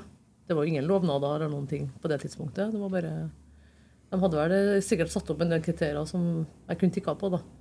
Både bakgrunn med idrett og tilhørighet til byen, sannsynligvis. Ja. Det var sikkert en del kriterier som ikke jeg nødvendigvis vet om, men jeg var nå på innsida av de kriteriene, og så kom jeg på det intervjuet, og det var en veldig interessant samtale. Jeg, dette her eh, kunne jeg tenkt meg å engasjere meg i og bidra til å Nå har jeg fått veldig mye av idretten sjøl, det må jeg aldri glemme heller. Så det å gi tilbake, og det å gjen... Jeg skal ikke kalle det gjenreise heller, men det å bygge stolthet, da. Bygge reisen videre. Bygge det neste. Være med for framtida og utvikle. Det, det kjenner jeg det brenner jeg for. Så det, det var liksom motivasjonen for å gå inn her, da. Så summen av mange ting. Og det er jo mye spennende som altså skjedde rundt Rosenborg på det tidspunktet òg. Da var jo ikke klubbene fusjonert, men jeg hadde jo registrert at Trondheimsdalen ble Rosenborg. Men vi var jo ikke fullt ut fusjonert. Så det var også et naturlig tanke at det må vi få til. Det er jo helt naturlig. Så var spørsmålet om når skjer det. Ikke om det skulle skje, men når skjer det. Så det ble jo vedtatt da i 2022. Ja. Mm. Så det var litt sånn inngangen, egentlig. Så det var, ja, plutselig så satt jeg her og Ja.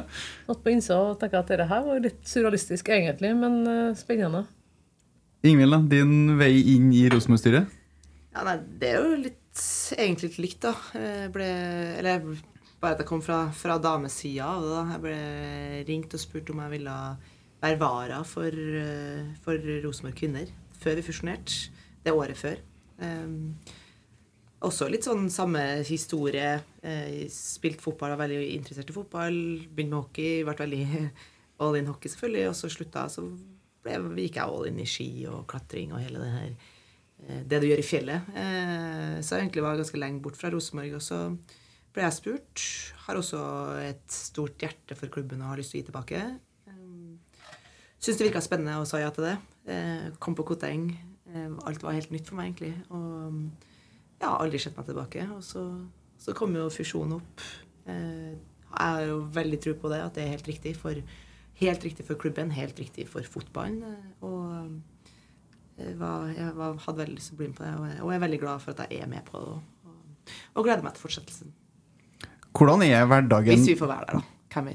Ja, det er jo Ja, det er jo Det det, er velges jo, det. Ja, er. Ja, og dere har vel nå sagt at alle er Fristilt, ja. fristilt til årsmøtet? Og det er jo en enkle grunn at uh, når vi fusjonerte i 2020, så lå det en uh, egentlig en sånn fusjonssamarbeidsavtale, da, eller avtale, om at uh, vi måtte plukke både styremedlemmer fra kvinnesida og herresida. Ergo så ble det flere. Så vi gikk jo fra å være i det ordinære herrestyret nå, 7 pluss 1, til å bli 9 pluss 2. Så vi skulle vi sette det sammen. Så det var det ene. Men, og det skulle virke i to år. For det handler om at vi må ivareta synergier for begge klubber. da. Og da skulle vi etter avtalen gå tilbake til 7 pluss 1. Så det er jo det, og nå har det gått to år. Så stedet, og nå var det jo egentlig noen som ble gjenvalgt allerede inneværende år, for to nye år, da. Men så er det sånn at når du reduserer, da, så er det, det er to ting vi skal passe på. da. Det ene er jo at vi får riktig kompetanse, altså sammensetninga. Og så er det at vi må forholde oss til lovverket og kjønnsfordeling.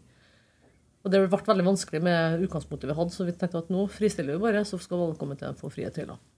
Så da er det å sette sammen det beste for Rosenborg, som er deres oppgave. Det blir da en årsmøtesak nå i mars 24. Ja. ja. Hvordan er, hvordan er hverdagen i, i altså, Det er jo ikke en hverdag i styret, men hvordan er hverdagen i styret? Har har dere Messenger-gruppe? Har dere, har dere Snapchat-gruppe? Hvordan funker det her? Snapchat. Jeg har bare Snapchat med trollungene. Ja, ok.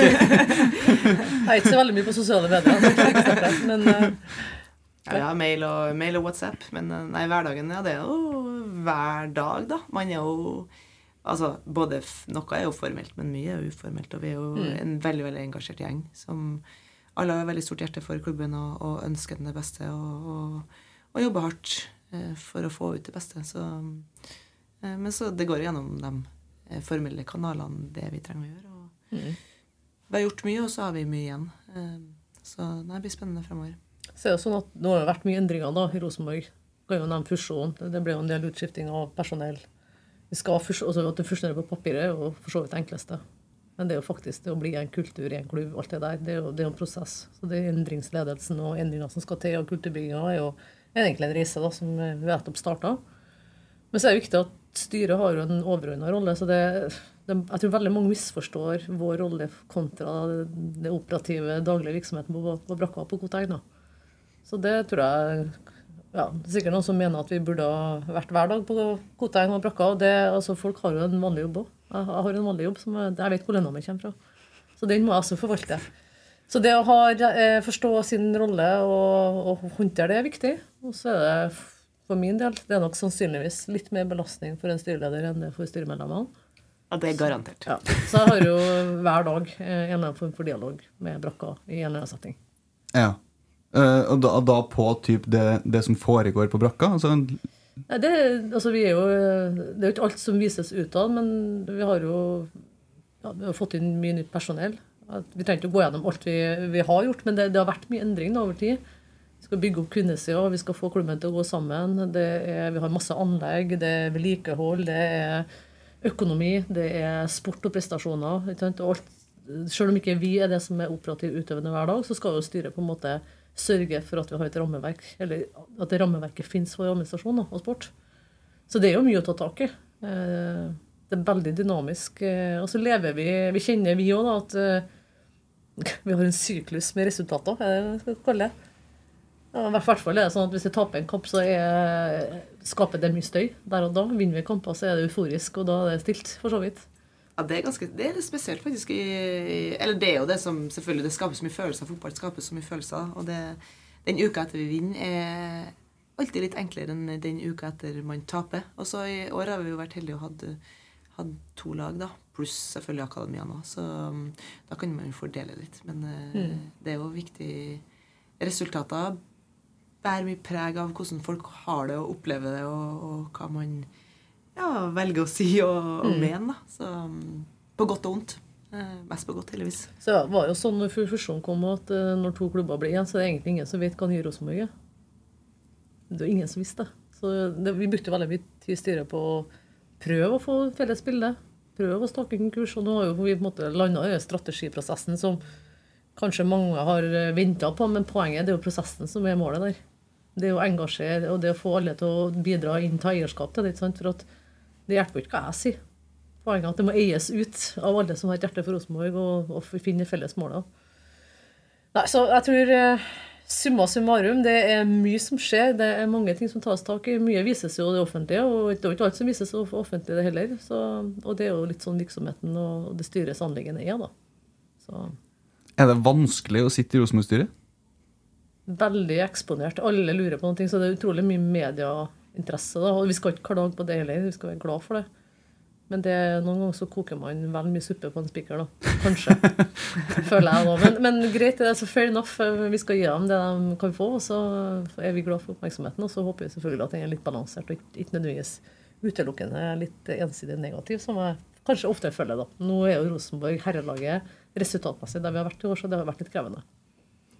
Så det, det, det er en tøff jobb. Eller det er jo ikke en jobb. Jeg, jeg tenker, Vi, vi, vi må få med det òg. Det, det er jo ikke jobben deres. Oi. Dere er holder på med andre ting. Ja. Ja. Så det, altså det er kveldstidbasert dugnadsjobb.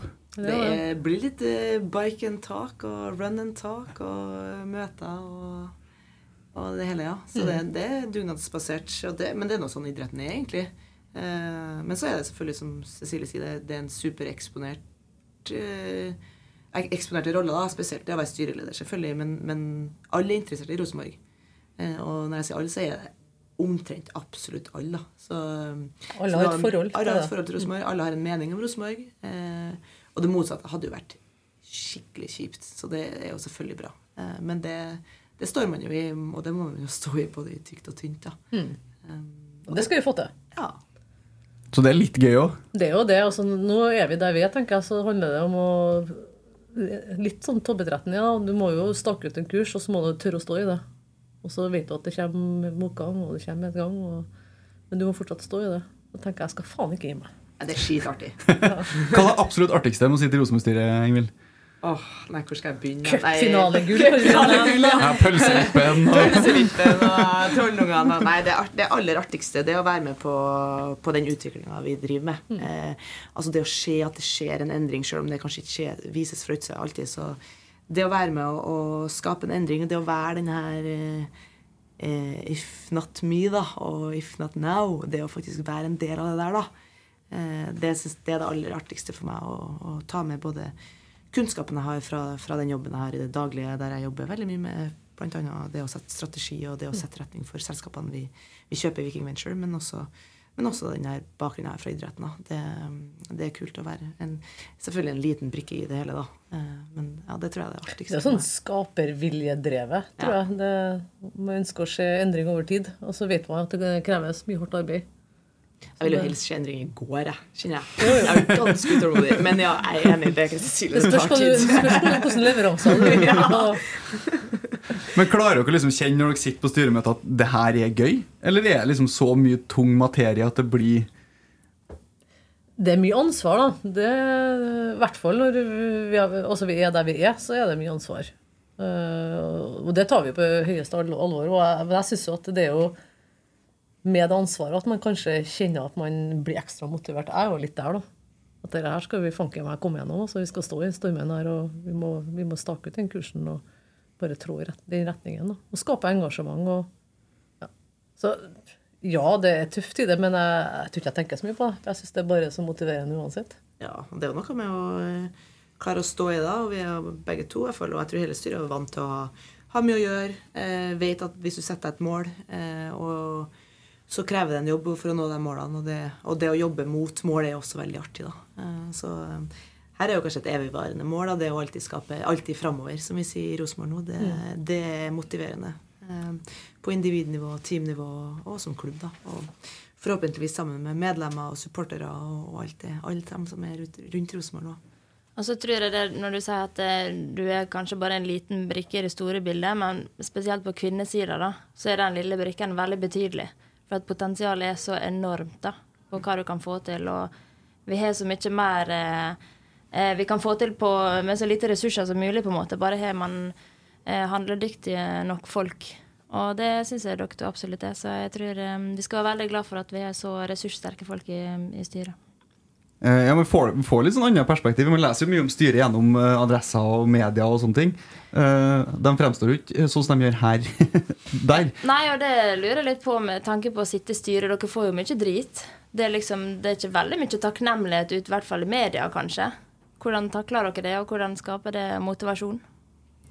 Jeg tenker, Hvis vi, i hvert fall i mitt hode, er litt enkelt skrudd sammen, tror jeg. Hvis du, altså, sånn som vi jobber, da, systematisk, prosessorientert, staker ut en kurs, jeg engasjerer, motiverer og på en måte ja, er ryddig, da, står med integritet i det, så kan folk si hva de vil om meg. Altså, det tåler jeg helt fint, for at jeg vet hva jeg har gjort.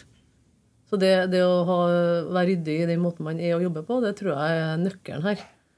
Og så er det jo sånn at Rosenborg er Rosenborg, og det skaper alltid noe medieblest. da. Så men jeg, for min egen så står jeg veldig greit. Og så har jeg bestemt meg, og det bestemte jeg meg for veldig tidlig da jeg gikk inn i styrelederrollen. at jeg, altså Det ene er jo hva jeg skal tåle. Men begynner jeg med guttungen, eller så, så er det en helt annen sak. ikke sant? Men nå har ikke det vært noe tema heller. Så leser ikke jeg sosiale medier. Så folk mener sikkert mye rart. Min mor har tydeligvis lest noen ting, for hun var jo litt bekymra en periode. Og sa men du må jo ikke lese det der. Så, så jeg forholder meg egentlig jeg forholder meg greit omverdenen sånn sett. da. Det At folk kritiserer meg og ikke vet hvem jeg er, og kritiserer rollen, ja, vær så god. Jeg tror det, det er noe med å, som Cecilie sier, at hvis du tror på det du holder på med, da, og nå er ikke vi to som holder på, bare at det er en hel, det er en hel klubb med administrasjon og, og resten av styret, hvis man tror på det man, man gjør, og, og man tror man gjør det på riktig måte i tillegg, eh, så må man kanskje bare tåle å stå i det da, eh, når det kommer, kommer kjipe kommentarer. Men så er altså, det er ikke å stikke under en stol at, at altså, det, sies, det er veldig mye bra, da, eh, men det er ikke å stikke under en stol at det som det er en del som går på person, og som ikke er OK, da. Eh, og jeg syns jo eh, man også skal tørre, eller vi, da, og jeg skal tørre å stå opp for, for det som sies som er, er rett og slett slemt, da. For vi må behandle med folk med respekt, og det, eh, det gjelder alle, da. Og, det er lett å sitte bak en PC og skrive masse greier, men det, det er faktisk ekte personer man snakker til. Og det tror jeg særlig kanskje eh, de trenerne vi hadde før på herresida, virkelig fikk kjenne på. Da. Eh, Og kanskje også særlig herrespillerne en stund, og, og damespillerne også, selvfølgelig, med, med kommentarer på, på hvorfor spiller dere fotball, og dere har ikke rett til ditt og datt, og det å liksom helt dem å forsvare rollen man har, det man gjør, og det man utøver, det man elsker å holde på med. Eh, det bør ikke være nødvendig, mener jeg, i 2023, da. Så eh, vi har ytringsfrihet, men jeg mener jo at ytringsfrihet det kommer med ansvar, også i Rosenborg. Mm. Eh, Så ja, det er noe vi må gå opp sammen som, som klubb hvis, det, hvis det blir ille nok i media, da. Eller i, i sosiale medier, kanskje mer enn en selve media. Vi har snakka mye om det, å være en rosenborger. ikke sant? Eh, altså leve, leve etter verdiene. da. Og det gjelder jo ikke bare de som er spillere, eller de som jobber på brakka, eller oss. Det er jo like mye de som er supportere. Så jeg tror enkelte burde se seg selv i speilet før man spytter ut en eller annen kommentar. da. Men det, det, får stå for deres regning. Så får vi eh, gjøre det vi skal gjøre, på en ordentlig og ryddig måte, med respekt og det vi står for. det, det er jo litt sånn spesielt å sitte og, og høre på. Uh, altså, vi, jeg kan jo si på min egen Vi følger jo med i sosiale medier. Eh, og det, det er jo mørkt noen gang på internett. Uh, og så sitter vi her nå og på en måte snakker med dem som, som tar imot det. Det er litt sånn uh, Jeg har aldri stått det. Jeg skal ikke påstå at jeg hadde takla det spesielt bra. Så nei, Jeg blir litt sånn imponert og, altså, Imponert av dem som sitter her, og litt skuffa over dem som gjemmer seg bak tastaturet. Ja, men også sånn jo det vært helt siden sosiale medier ble greia. Det er veldig enkelt å hive ut stygge kommentarer, og så er det veldig få som faktisk gidder å skrive noe positivt. Så det er jo egentlig flere der ute som tenker positive ting og riktige ting, men så er det de som kanskje ikke har det siste lille, da, som velger å, å skrive en stygg kommentar. og og det er jo som dere sier, det kan jo være bra også, for det er veldig mye følelser i, i spill, men selvfølgelig ikke når det begynner å bli ufint. Mm. Men uh, det at det er Rosenborg, det betyr jo at det er mange, mange bryr seg, og mange vil det beste. Og så er det mange som uh, kommenterer som virkelig ikke har takla jobben sjøl. Så det er jo greit å ha i bakhånd når man leser det. Får dere noe skryt? det bare dukka opp. Får dere egentlig Ja, jeg tror nå det. Det har det vært eh, Etter noen av medlemsmøtene vi har hatt, så har det vært eh, folk som syns at vi gjør en eh, tålelig god jobb, så jeg tenker at vi må ta med oss det, da. Så ja, nei, men altså ja, Nei, jeg tror, jeg tror jo det. Det vil nå vise seg, da, om vi får tillit. Ja, ja, jeg tror det er det viktigste Det viktigste på en måte, tegnet på at, vi, at folk har trua, er jo at man får, eh, får bli med videre. Mm. Hvis valgkomiteen eh, selvfølgelig velger å ta oss med videre. Så, så det er jo viktig. Og så fikk vi nå litt skritt av Kristine i stad, så det var, eh, det var veldig fint. Altså, det er veldig mange som, som mener veldig mye godt om, om både Rosenborg, om lagene, om oss. og og de sier det jo face to face som regel, sant? så de skriver ikke det på internett. Så det, det er jo kanskje den største forskjellen. Da. Det er jo ingen som kommer opp til deg og sier jeg håper, jeg håper en buss kjører på deg i morgen, eller eh, håper ungene dine eh, går bort, eller, eller ja, Jeg kan ikke si alt som skrives, for at jeg kan ikke si det engang. Eh, mens de som har noe positivt å si, sier det jo gjerne face to face, eller, eller sender en personlig melding. Og det, det varmer jo veldig. Og Mm. jeg tror sånn, de aller fleste er positive. Jeg tror de aller fleste eh, digger Rosenborg og, og oppfører seg ordentlig. Og det, det vi må liksom ta vare på. Og, og det tror jeg er viktig, veldig viktig for spillerne å skjønne at de aller fleste de, de elsker spillerne, eh, jentene og guttene, og, og, og, det de holder på med, da, uavhengig av hvordan resultatene er. Altså, ja. Klubbfølelse, vet du. Ja, ja. Det handler om å stå i tykt og tynt. Ja. Ja. Medgang og motgang. Det var noe jeg skulle rappe til. Er. Gjerne det! Hvis, Nei, kødda. hvis du føler for det. Ja. Blå, gul, svart og hvit. Eh, vi må jo bare ta med altså, vi, vi har jo sittet her nå egentlig i, i hele år. Eh, det her, er- vi har sagt et par ganger nå, det er årets siste episode. Um, og jeg kjenner for min egen del at jeg er fryktelig imponert over absolutt alle som har vært her. Altså, Cecilie snakka om det, det å være en rosenborger. Jeg syns samtlige som har vært her, har altså, levert ø, med glans. Man er åpen, man er engasjert, man bryr seg. Eh, man, nå husker jeg alle de verdiene som står på veggen, men, men altså, det er genuint bra folk som ønsker det aller, aller beste for Rosenborg hver eneste dag. Og så er ikke det ensbetydende med at man får det til hver eneste dag. Men det har, jeg er i hvert fall ikke i tvil om intensjonen til noen som jobber her. Uh, og om det er spillere, trenere, vi har hatt administrasjon her, nå har vi styret her. Det gjennomsyrer hele klubben at dem som er der og har på seg Rosenborg-klær, de vil virkelig det beste for Rosenborg hver eneste dag når de står opp om morgenen. Eh, så jeg kjenner at det vært litt sånn, eh, litt sånn avsluttende ord for meg, egentlig. Men, men altså, jeg, syns det har vært veldig stas å sitte her og bli, bli kjent med Rosenborg på et enda sånn dypere nivå. Jeg vet ikke hvordan sesongen din har vært, eh, Lene? Eh, nei, jeg er helt enig, egentlig. Jeg syns alle spillerne som har vært her, har åpna seg og fortalt sine historier. Og det, det er egentlig det vi ville med podkasten, var å bli kjent med spillerne, bli kjent med administrasjonen og alle rundt klubben. Sånn at vi på en måte Ja, vi bygger jo litt merkevare, vi òg. Prøver å få Rosenborg kvinner ut der og få folk til å bli kjent med oss og vite hva vi holder på med. Og så syns jeg at eh, alle som har vært med, har levert veldig bra. Og jeg syns du har levert bra, Kristian. Yes. Eh, og jeg håper at eh, i hvert fall du fortsetter podkasten neste år, og jeg håper at jeg er tilbake på barna. Det håper jeg òg. Virkelig. Men eh, veldig kry over at vi har klart å holde podkasten gående, og at eh, folk er blitt med som gjester og bydd på seg sjøl. Ja, altså, uansett hvem vi har spurt, så ja, ja, vi kommer. Ja, alle, og jeg tror kanskje spesielt kvinnefotballspillere har vært vant med at man må by litt mer på seg sjøl for å på en måte prøve å få folk på kamp og, og vise at det vi holder på med, faktisk er ganske kult. Og eh, være forbilde for andre jenter. Så jeg tror egentlig det handler kun om å få muligheten til å by på seg sjøl. Mm. Eh, og da er det veldig viktig at eh, ressursene rundt eh, hjelper til med det, og så er det for spilleren å møte opp og, og være seg sjøl, sånn at folk blir kjent med dem. Jeg skal, jeg skal skryte litt nå, for jeg kom på noe når du sa. For uh, Jeg spurte Cecilie det var forrige uke om uh, du hadde lyst til å være med i podkast. Ja, selvfølgelig. Det var ikke noe problem i hele tatt. Uh, og så krasja jeg litt, litt sånn Det passa egentlig ikke kjempebra for noen. Og litt senere på kvelden så sender Cecilie meg Du, Beklager at jeg ikke kunne Men kan ikke, kan ikke jeg komme en annen dag istedenfor? og jeg mener at det, det er jo sånn Rosenborg skal være. Vi skal være åpne, vi skal være offensive, vi skal tørre å tro på det vi holder på med. Eh, Så da skal jeg i hvert fall få litt skryt herfra. Spesielt Cecilie, som bare sier at eh, Ja, men selvfølgelig, det passer ikke akkurat i dag, men kan ikke jeg komme en annen dag? Det fikser vi. Ja, vi gjør det. Eh, Så da må jeg si tusen takk, Cecilie Gottaas Johnsen, for at du var her. Ingvild Farstad, tusen takk for at du var her.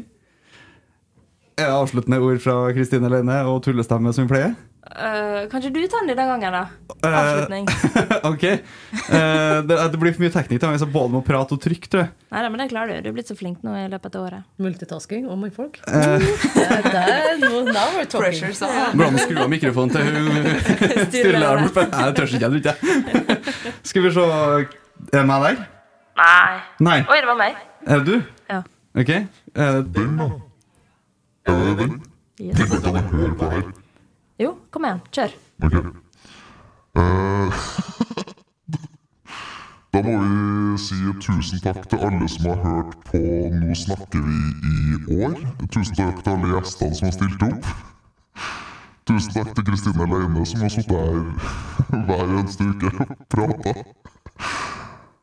Eh, god jul og godt nytt Rosenborg-år.